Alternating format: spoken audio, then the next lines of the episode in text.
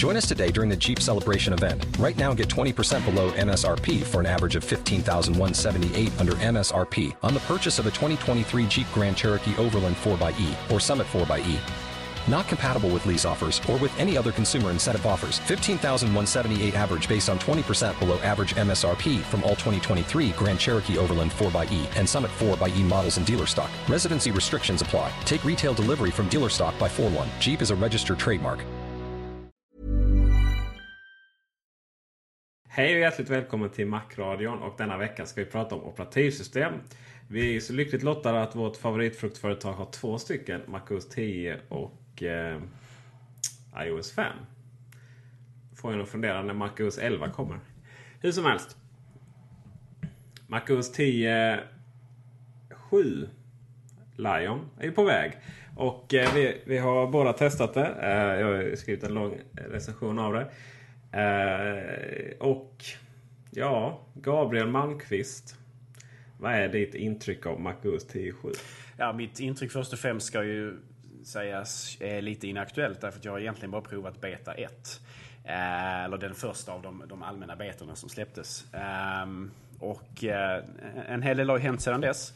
Eh, många buggar som har, har försvunnit och en hel, jag tror en hel del fart och stabilitet som har etablerats. Men min, mitt intryck om man bortser från den relativa buggigheten som var i den första betan så är överlag ganska positivt inställd till eh, 10.7.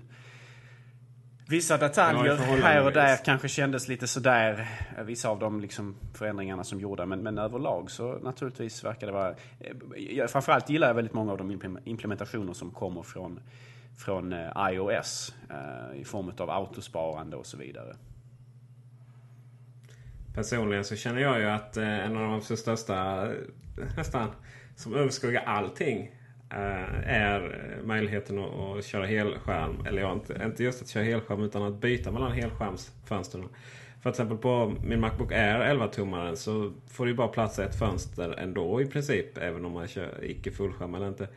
Och eh, just möjligheten att bara kunna ta tre fingrar och köra åt sidan och så har man mejlen läser där och sen så tre fingrar tillbaka och så har, har vi eh, eh webbläsarna eller någonting annat. Tycker jag verkligen, verkligen förändrade väldigt mycket hur jag jobbar med den datorn. Eh, det, det är fascinerande hur Windows har kört fullskärmsläge i, i alla år.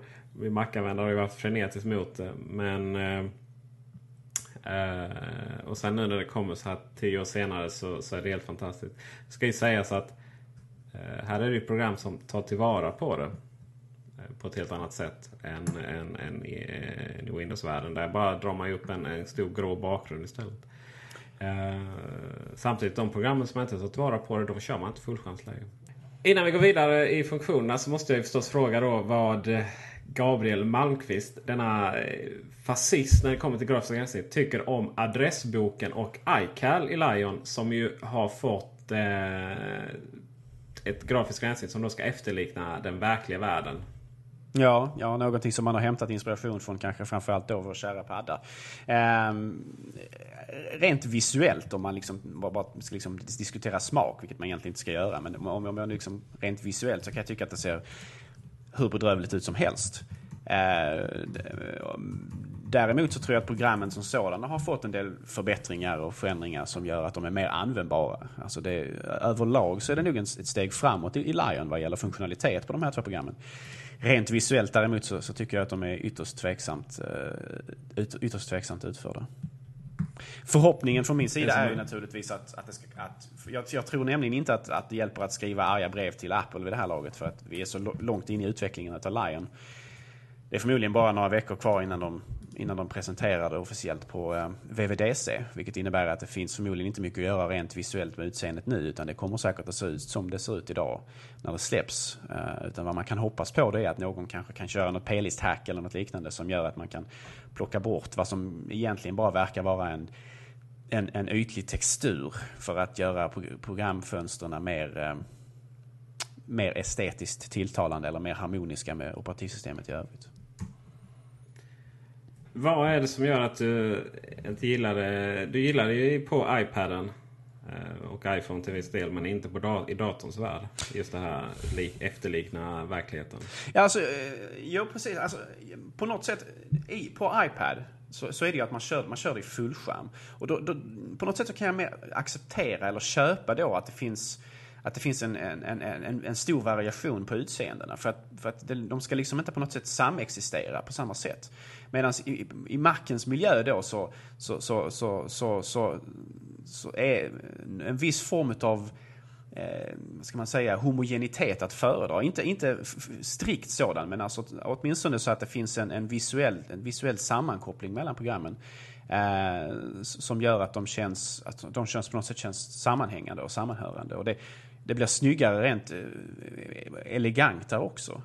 Uh, och så, men det finns ju naturligtvis argument för att, att man ska ha stor variation i utseenden. Exempelvis så menar man på, det finns de som säger att uh, i form av um, exposé så är det att föredra att programmen ser väldigt olika ut. Uh, därför att då exempelvis så är det lätt, lättare att urskilja dem. Men det är ju bara ett argument som håller så länge det är bara ett visst antal program som gör det. Så fort alla program ser jätte, jätte olika ut så blir det liksom bara eh, ett, ett virvar där också. Alltså eh, ett program som iCal står ju ut om man kör Expose. Eh, så länge det är det, det enda programmet som bryter mot trenden. Men så, så, länge, så fort alla program, eller fler program, börjar anamma den här lädertextursutseendet eller som eh, anammar andra utseenden som är väldigt avvikande från normen. Ja, då blir det ju genast fördelarna med den sortens eh, förändringar eh, starkt begränsade så att säga. Så är det ju. Men eh, skulle det... Är det själva i grejen att de är efterliknande eller är det att de gör det fult som är problemet? Ja, det, alltså det, det är en blandning av det egentligen. Estetiken har stor betydelse för mig. Jag, jag, tycker, jag tycker det genuint sett är väldigt fult.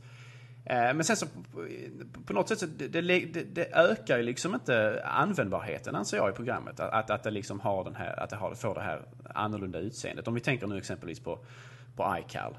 Det, liksom, det blir inte mer användbart bara för att, den, för att det ändrar utseendet. Det är liksom en förändring för förändringens skull. Eh, och på något sätt så tycker jag att det känns, det känns överdrivet. Sen så, Känns lite Microsoft. Ja, jag vet inte om vi kan anklaga dem för allt ont i världen. Men det, det, det, det är helt klart lite smaklöst om jag får säga det så. Det som är spännande var att det började med Garageband. Som ju också är väldigt svårt att Ja. Alltså det finns... jag tycker fortfarande det är hemskt. Ja, det är, for, det är for, fortfarande hemskt. Alltså. Men, men, men, det är också för att Garageband på något sätt försöker efterlikna produkter som genuint sett i verkligheten också är extremt fula. Jag menar, titta på studioutrustning överhuvudtaget så är det oftast ganska så groteska saker de försöker replikera. Men det finns... Ja, då så. ja, men det, det kommer man liksom inte ifrån. Alltså det, det, det, det liksom, där är, där är ju inte felet Apples i den bemärkelsen utan det är ju snarare så att det man försöker efterlikna då är problemet från början. Men det finns, det finns ju liksom smakfulla sätt att göra den här sortens eh, ingrepp på där man försöker spegla verkligheten. Jag, jag återkommer till exemplet med eh, eh, Delicious Library som ju är ett program som på många sätt också startar den här trenden där man då har försökt återskapa eh, ett bokhyllsystem. Delicious Library är alltså ett program där man kan hjälp, med hjälp av att scanna ut sådana här koder på exempelvis böcker och CD-skivor och liknande. Så kan man ha ett digitalt bibliotek. Där man kan dela med sig till sina vänner av vilka filmer man har och så vidare. Och man kan få se det på ett visuellt väldigt tilltalande sätt.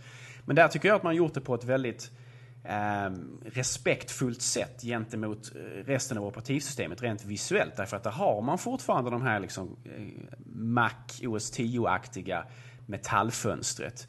Och så sedan så då innehållet i sig i själva fönstret är, är, är då det som har förändrats. Alltså så att eh, där har man de här trähyllorna. Men det, det, det gör ingenting där. För att eh, alla fönsters innehåll kommer ju att vara olika beroende på vilket program man använder. Det är liksom inget konstigt med det. Och, och, och där kan jag acceptera mer en, en större ehm, eh, förändring i utseendet mot andra program. Medan då själva, alltså, jag, jag, rent fönsterkromen om man säger så, finns det egentligen som jag ser det väldigt lite anledning att förändra. Ja, jag håller med till fullo faktiskt. Eh, just eh, att eh, kan, vi, kan, kan, det vara kan det vara ett reservat? Våra svarta härliga ja, fönster. Vad kallar man det? Menylistan längst upp är det inte heller. Men ja. Det är det här gråa fejdade som tidigare en gång i tiden var metallaktigt eller, eller aquaaktigt. Det var också ganska hemskt. Nu har de verkligen fått till det och är faktiskt väldigt snyggt. Lagom grått helt enkelt. Mm, ja, faktiskt. Och, äh, Apples mjukvarudesign har ju alltid på något sätt speglat hårdvaran som de är tänkt att köras på. Äh, Aqua som utseende kom ju en gång i tiden där den gamla första G3 iMacarna släpptes och även då G3 Power Mac som ju också hade det här väldigt eh, Eh, aqua-liknande utseendet. Det var gälla färger och transparens och så vidare, även hårdvarumässigt. Och då försökte man ju få mjukvaran att även efterlikna detta. Och det, det, det, var ju snyggt på sitt sätt. Va? Problemet är ju att allt eftersom hårdvaran har utvecklats då så har vi även, eller det är inget problem i sig, men då har ju även mjukvaran följt med. Även fast Aqua har ju hängt med sen väldigt länge tillbaka nu här med vad gäller exempelvis scrolllistor och sånt som fortfarande fram till 10.6 har varit eh, de här eh, blåa Eh, sakerna. Eh, men det, det, Apple har ju en design-tsar och det är ju eh, Johnny Ive. Eh, han har, eh, verkar, och, och säkert även Steve Jobs och andra människor som har stor betydelse för det här. Men man, man håller designen ganska konsekvent rent hårdvarumässigt. Men mjukvaran hänger liksom aldrig riktigt med där utan den ligger alltid liksom lite på efterkälken. Så är det. Och eh, för att komma vidare. Eh, det är rätt lätt att hänga in sig på, på grafiska formen här i en timme. Launchpad. Ännu en grej man lånar från iOS som ska, ska efterlikna hemskärmen. Eh, jag känner spontant att jag aldrig någonsin kommer använda det. Jag startar program genom, genom eh, Spotlight egentligen eller nere i dockan. Men eh, är det någonting som kommer få den här så kallade vanliga användaren att eh, känna igen sig ännu bättre. Från, man kommer först från iPhone och sen in i Macens värld. Ja, alltså det tror jag absolut. Jag är också en av dem, precis som dig, som känner att den kanske inte känns optimal för mitt arbetssätt. Utan jag har andra metoder med vilket jag sorterar mina eh, program och vet, hur, vet att starta dem. Men för, för, för den, liksom, den, den vanliga användaren, om man säger så, utan på något sätt att vara nedsättande i den bemärkelsen, så, så tror jag faktiskt att det är ganska användbart. Eh, när jag körde beta 1 av 10.7 Eh, så vet jag att eh, man kunde inte plocka bort ikonen för Launchpad ifrån dockan, vilket ju var extremt frustrerande om man nu faktiskt inte skulle få för sig att använda den. Eh, men det vet jag väl att med de nästa betorna vad jag förstått så är det faktiskt möjligt att, eh, att faktiskt göra det nu. Är det inte så Peter? Oklart, jag har faktiskt inte provat. Men eh, oavsett det så måste det på något sätt i någon liten fil gå och ställa in det Eh, kommer säkert ett tilläggsprogram för de som inte vill gå in i terminalen också. Eh, jag känner spontant att ja, nej, det är nog ingenting som jag vill ha i dockan heller. Eh, min docka ska vara extremt rent och bara visa de programmen som jag använder. Men eh, ja, jag känner ju jag känner faktiskt att det är något väldigt bra grej. För att, eh, typ, om man tar våra föräldrar då. Där kommer det ju vara att man har sin docka och sen så har man program i Launchpad och slutligen så skaffar man nya program via Mac App Store. Och trycker man installera så kommer den upp i Launchpad. Eh, hela den grejen kommer skapa en enorm säkerhet också jämfört med då att ladda hem första bästa konstiga program från någon obskyr webbsida.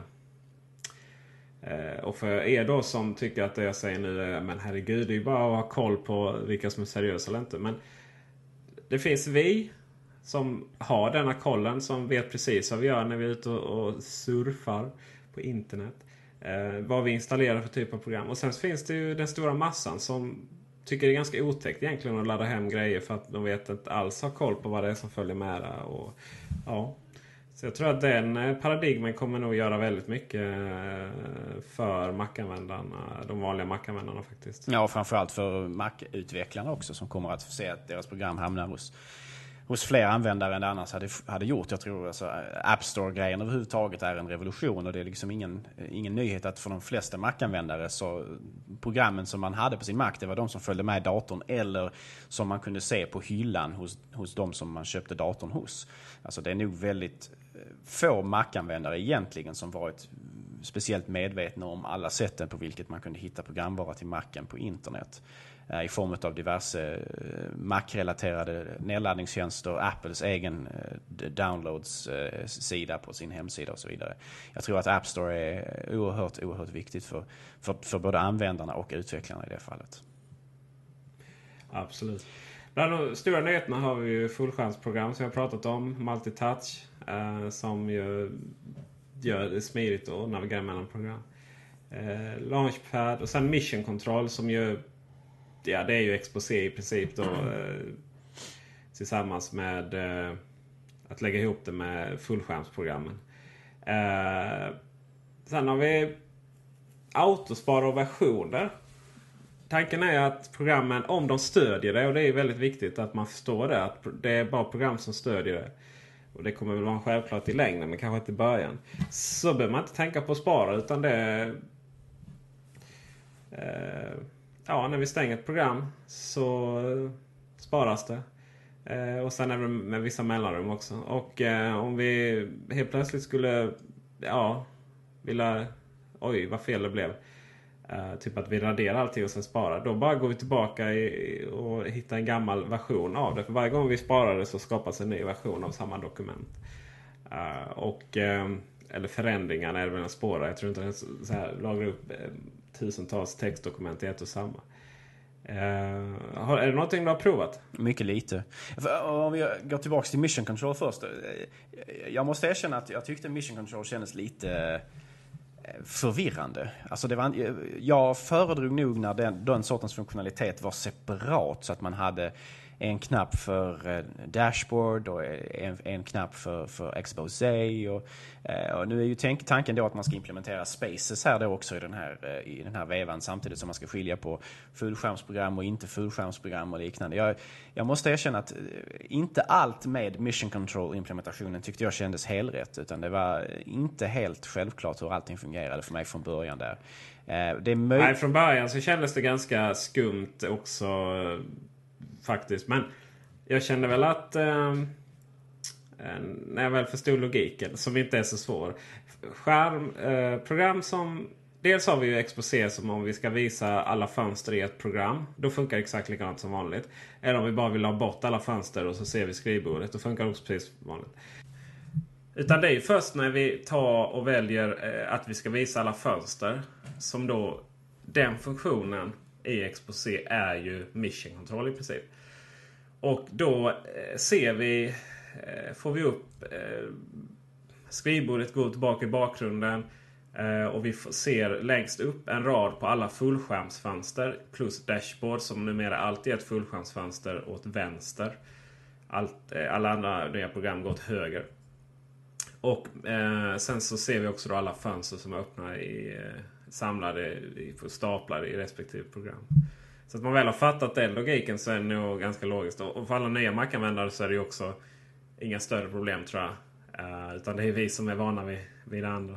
Spaces har ju egentligen försvunnit helt. Utan nu är det bara eh, scrolla fullskärm åt, åt höger, höger, höger. Då. Jag tror ärligt talat att de flesta Mac, nya Mac-användare så att säga aldrig någonsin kommer att använda den funktionen. Precis som de egentligen nog aldrig använder exposé i någon större utsträckning heller. Så är det förstås. Eh, utan, utan den sortens fönsterhantering är oftast inte relevant för de flesta människor använder en eller två program samtidigt. Kanske mest. De har mailklienten och, och surfklienten igång och sen så allt annat är väl mer eller mindre nedstängt.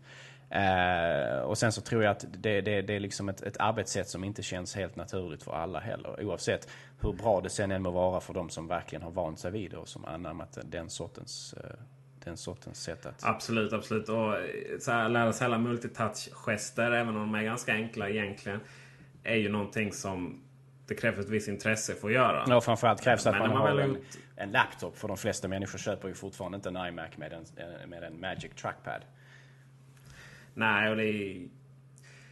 iMacen har så stora skärmar så det är där ger det inte så mycket att köra fullskärm. Nej, verkligen inte. Utan, men jag, jag, jag, jag, kan, jag kan faktiskt inte förstå hur man kan köra fullskärm på, på, på någonting som har en skärm större än 13 tum. Alltså. För äh, alltså alla, äh, många människor kör ju exempelvis på sin 20-tums eller 22-tums eller 23-tums dator.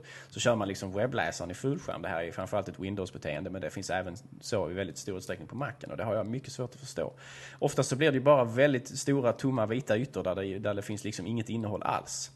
Eh, som man bara slösar bort när man istället då kunde ha tillgång till eh, antingen andra webbsidor bakom eller liksom andra program bakom eller om man har sin eh, en IM-chattklient e igång i bakgrunden och så vidare. Men det är väl, det är väl lite grann att den här liksom tanken som jag har att man har flera saker igång samtidigt och som, som, som inte långt ifrån alla människor då arbetar med naturligtvis. Jag tycker bara det känns som ett otroligt slöseri om man har en 27-tums skärm som är enormt stor med jättemycket upplösning och så utnyttjar man aldrig det till mer än ett, till mer än ett fullskärmsfönster i Safari. Liksom. Visst, man har plats för mycket, mycket flikar. Men eh, jag, jag hade nog hellre haft plats med mer arbetsyta för, för program. Liksom. Eh, jag håller helt och hållet med. Det är ju, men det är ju Windows-beteende absolut. Och de flesta kommer ju från den världen till Mac.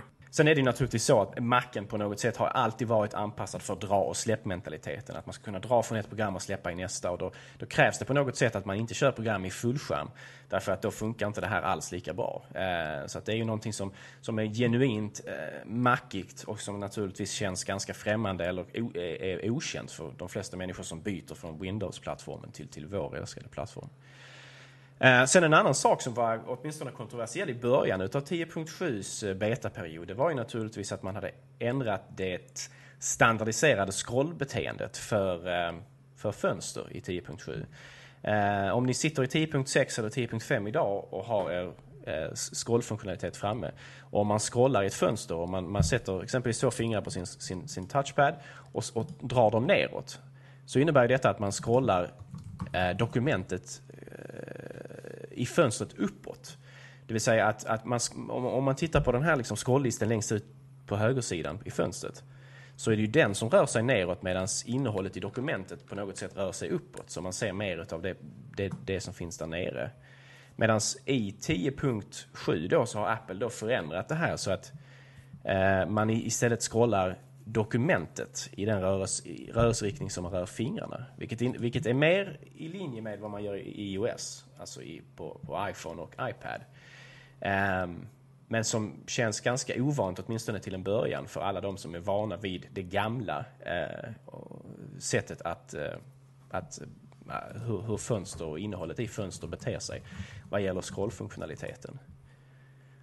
Hade du problem Peter med att uh, anpassa dig till det här nya sättet? Eller Nej, det tog två sekunder. Andra... Jag älskar det. Och, och, och, det har att göra med gummibandseffekten ju. Precis som iOS. Det vill säga att man drar åt fel håll så det är inte så att det bara står still. Utan att det går liksom upp och sen tillbaka igen. Jag, tycker det, jag tyckte det var riktigt nice faktiskt. Jag, jag, alltså jag tror det är, det, det är nog en smart förändring i slutändan. För att på något sätt så gör man det konsekvent över alla Apples plattformar nu då, alltså över iOS och MacOS 10, att det är samma beteende. Det är bara det att vi som har eh, arbetat i hundratals år med det gamla scrollbeteendet, vi har ju en hel vi har ju lite svårt för att lära oss det nya. Eh, och det var rätt mycket kontroverser kring detta åtminstone när de första betorna landade. Men sen så insåg många att man faktiskt kunde stänga av eller förändra det här standardbeteendet till det gamla också. Du vet inte, det kanske många som inte gav den chans och faktiskt bytte tillbaka istället, vilket är lite synd.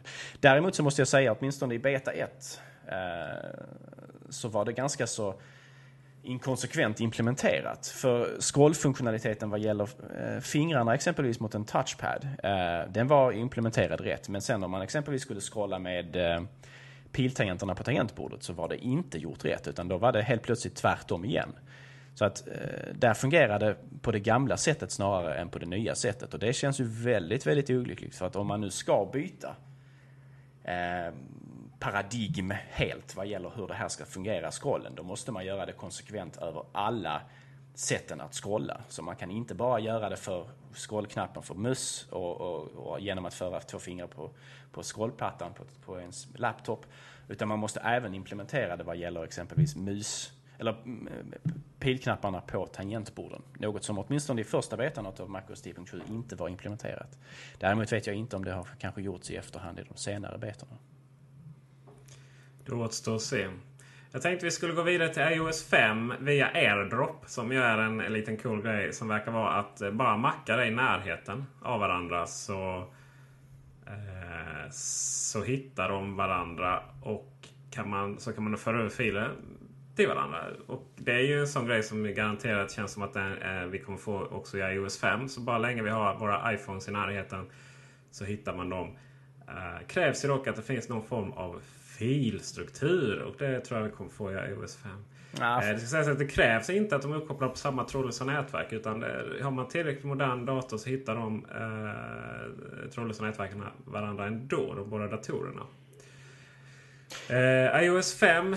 Det finns ju ett par saker där som börjar kännas väldigt gammalt. Och, eller ja, inte ett par, men i alla fall framförallt en sak. Och det är ju notifieringarna.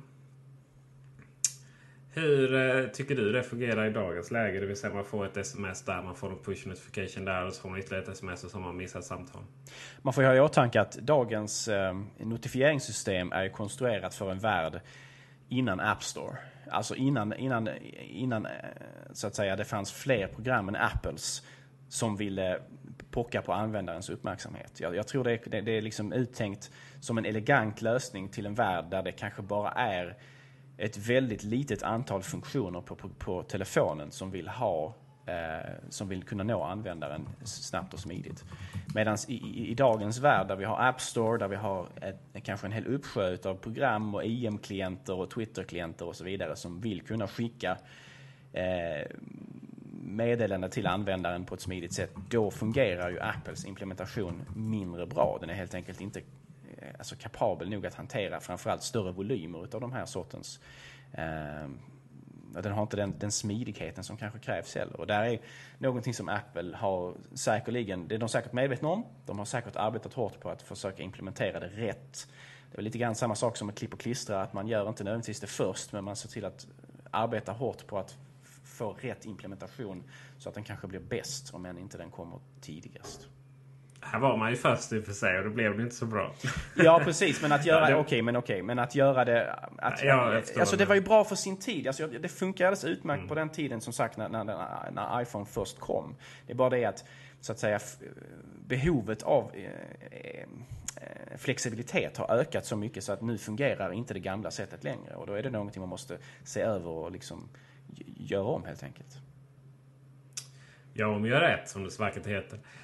Um, hur egentligen... Men, men, det är ju en utmaning. Man vill ju inte ha det som på Android där det känns som att... Ja, jag vet inte vad det är jag hittar vad som är notifierat. Uh, är plottrigt och allmänt jobbigt.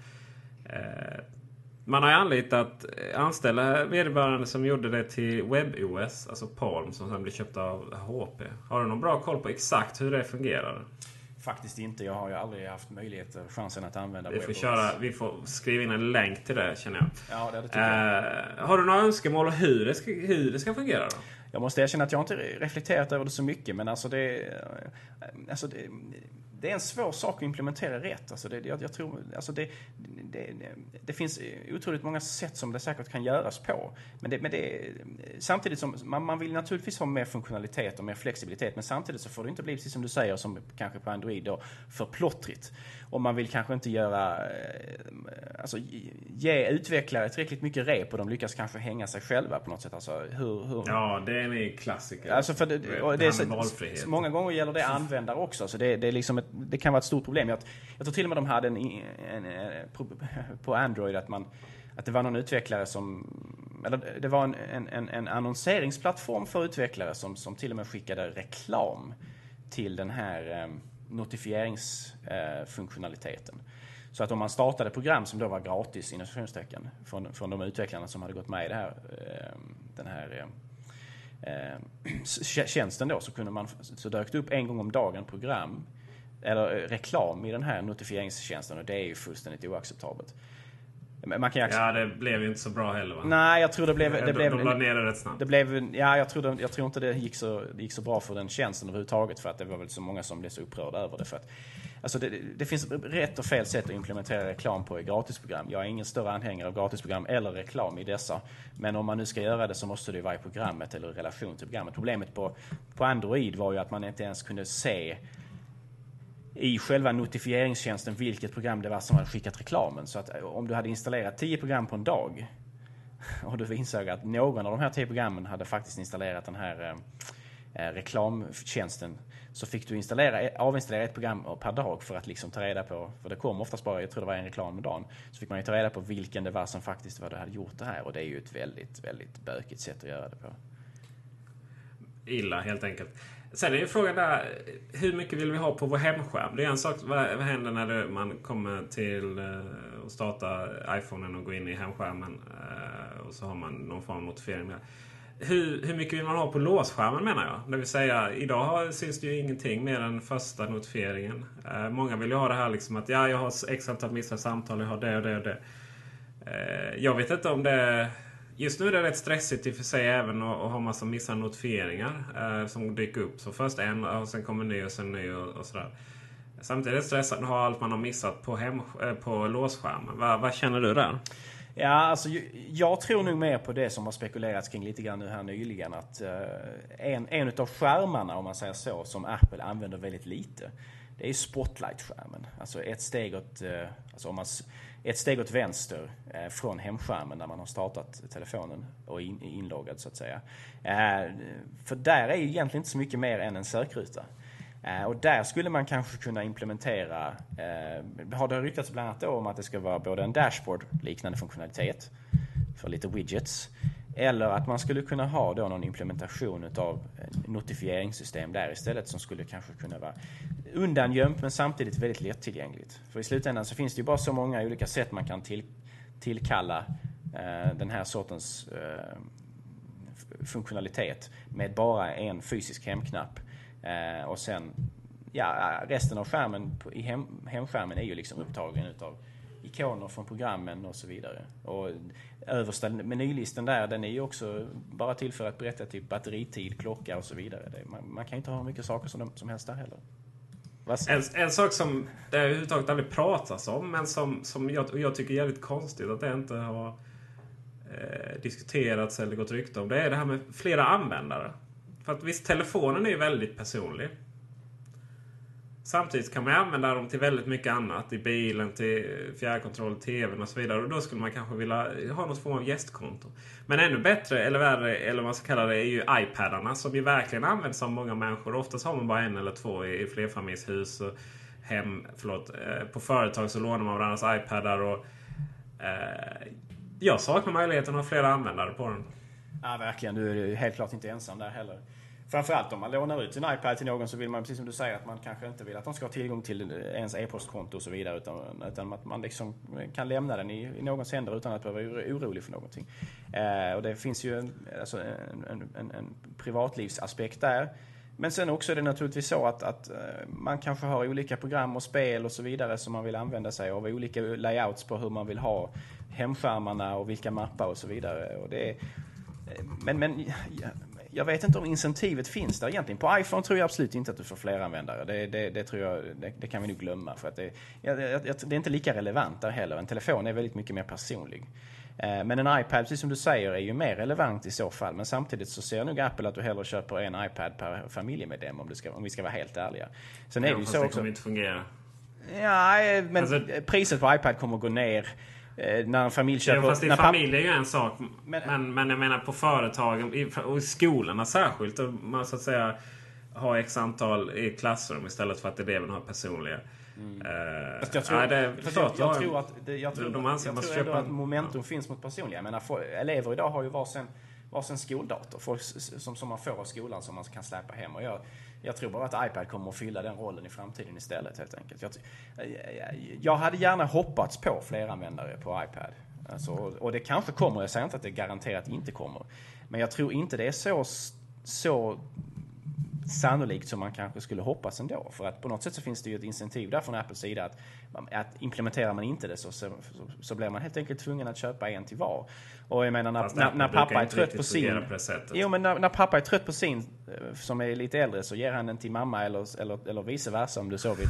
Och sen köper man en ny. Alltså det, de här sortens... Bra genusanalys där. Men, jo, ja precis. Jo men, men okej, men... vi ändrar det. Då säger vi att när mamma har tröttnat på sin nya iPad och så pappa som är te fullständigt teknikointresserad. Då får han en gammal istället. Eh, visst är det så, men, men, samtidigt så Apple brukar ju fokusera främst på funktioner framför försäljning. Och sen gör ju det att, så att säga, de funktionerna gör att man säljer väldigt mycket mer. Eh, visst, en sak som går ihop med det här det är ju fjärrhantering. Det här med att man gärna vill di kunna distribuera program och appar eh, centralt. Och, och, då är det ju, och det har ju med flera användare att göra. För att det hade ju varit jävligt trevligt om man kunde så här bara logga in eh, antingen via Mobile eller via mot någon server. Och, Eh, på vilken iPad som helst. Och sen så, så följer alla inställningar med. Och sen så, till exempel om det är en app som man vill köra. Eh, trycker man på den och så säger den att du har inte laddat ner den. Vill du ladda ner den? nu? Ja, så laddar man ner den. Eh, liksom lite i bakgrunden, sådär osynligt. Det hade varit riktigt coolt. Men det är väl lite mer drömmar än, än, än verkligheten. Nej, framförallt med tanke på att eh, alltså, 3G-utbyggnaden och så vidare är begränsad och långt ifrån alla program tillåter att man laddas ner bara sådär rakt upp och ner. Om man står ute på landsbygden någonstans ute i provinserna så är det ju 20 megabytes gränsen som gäller även i ja, Sverige. Precis. Den gränsen kommer väl gälla i alla sammanhang. Ja precis och vi har ju ändå en väldigt väl utbyggd infrastruktur i det här landet jämfört med stora delar av USA som ju är Apples huvudmarknad där det fortfarande är liksom öken även eh, även vad gäller eh, telekomutbyggnaden. Någonting som, på tal om ladda hem och, och trådlöst och, och, sådär, är ju nog att är det här året vi kommer att se trådlös synkronisering av apparna och ja, allting i princip istället för att använda kabel. Det är jag helt övertygad om. Jag tror absolut att det, att det kommer, det tror jag absolut. Jag hoppas ju verkligen att det kommer i år. Jag, jag, jag vågar inte förutsäga det, men, men däremot så jag tror det med tanke på att iOS 5 Eh, Eh, eh, och så vidare så tror jag att det kan nog implementeras på ett snyggt sätt. Det är ju en funktionalitet som bara måste finnas där helt enkelt. Jag, jag, jag, tycker inte ens att man ska behöva liksom uppdatera mot en dator när man uppdaterar, eh, alltså, när man uppdaterar system och så vidare. Utan allting sånt ska egentligen kunna skötas trådlöst. Den dagen man kan koppla loss iPad och göra den fullständigt oberoende av en dator är ju den dagen som iPad på, på, på, på verkligen på allvar blir en, ett, ett, ett, ett, ett ersättare för datorn för otroligt många människor. Som det är idag så är iPad fortfarande lite beroende av att vara ett bihang till någons stationära eller bärbara dator hemma. Man kommer liksom inte ifrån det. Men, eh, men jag hoppas ju verkligen att, att inom en snar framtid så blir iPad självgående på det sättet. Att man kan göra allting där helt enkelt. Och Eh, kanske även att man på något sätt har eh, fullständig då backup.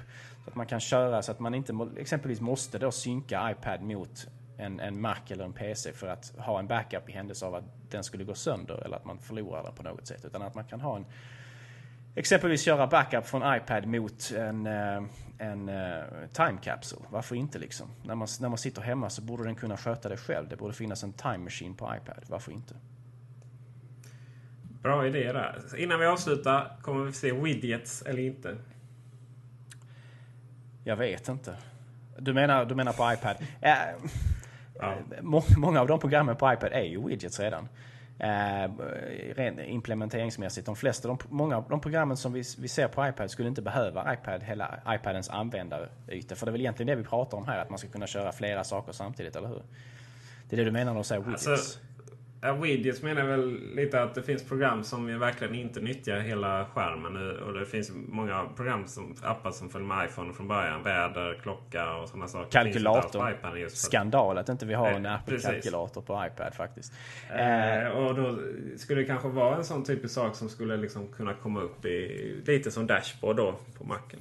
Ja, det skulle väl i så fall vara i så fall om man sveper, sveper eh, så att man går åt vänster. Så problemet är ju att det finns ju väldigt få fysiska knappar på iPaden där man kan implementera en, eh, funktionaliteten för att aktivera det här. Och det finns ju bara så många eh, multitouch-rörelser som man kan göra eh, och som, som användare faktiskt kommer att Vi har bara tio fingrar Ja, precis. Vi har tio fingrar men de flesta kommer ju aldrig någonsin att använda multitouch med tio fingrar. Det är ju, det är ju bara så. Det kommer man liksom inte ifrån. Utan de flesta människor jag tror inte man går bortom två när det gäller multitouch. Liksom. Det är pinch to zoom exempelvis. Eh, bortom det så blir det nog för svårupptäckt för de flesta människor helt enkelt. Så är det. Eh, VVDC i början av eh, juni. Får vi se. Eh, då kommer detta presenteras. Det går ju rykten nu hej vilt om det kommer presenteras någon ny iPhone 4S. Eh, så är väl inte fallet om, om man ser till vad Apple själva sagt. Det är mjukvara och hårdvara som gäller. Förlåt, det är mjuk, bara mjukvara som gäller. Det vill säga iOS och MacOS 10. Ja, det, det, det, är lite tvära kast här vad gäller ryktena. Men, men Apple själva har ju faktiskt sagt att det är fokus på mjukvara den här gången. Och det får vi väl anta att det stämmer. Jag tror inte de har någon större historia av att ljuga om sånt här. Eh, utan det är nog säkert det. Men det, jag tror att det kommer att vara otroligt spännande att följa ändå. För att det, som sagt, det är mycket som händer nu. 10.7 är väldigt intressant. Eh, iOS 5 verkar spännande också. Det, det, du pratar om det här med eh, att man kan ha två mackar i närheten av varandra och kunna komma åt dem direkt. Och samma sak vad gäller iOS. Att man, kan, att man hittar varandra enkelt över nätverk och så vidare. Det, det finns mycket där att göra som skulle kunna vara riktigt, riktigt trevligt. Det gör det. En sista grej som jag verkligen undrar. Även om vi inte får något liksom filstruktursystem på det sättet så skulle det vara väldigt trevligt om man... Idag kan man ju öppna en fil och så öppna i ett program. Och sen till exempel en, en, en textfil öppna i ett program och skriva.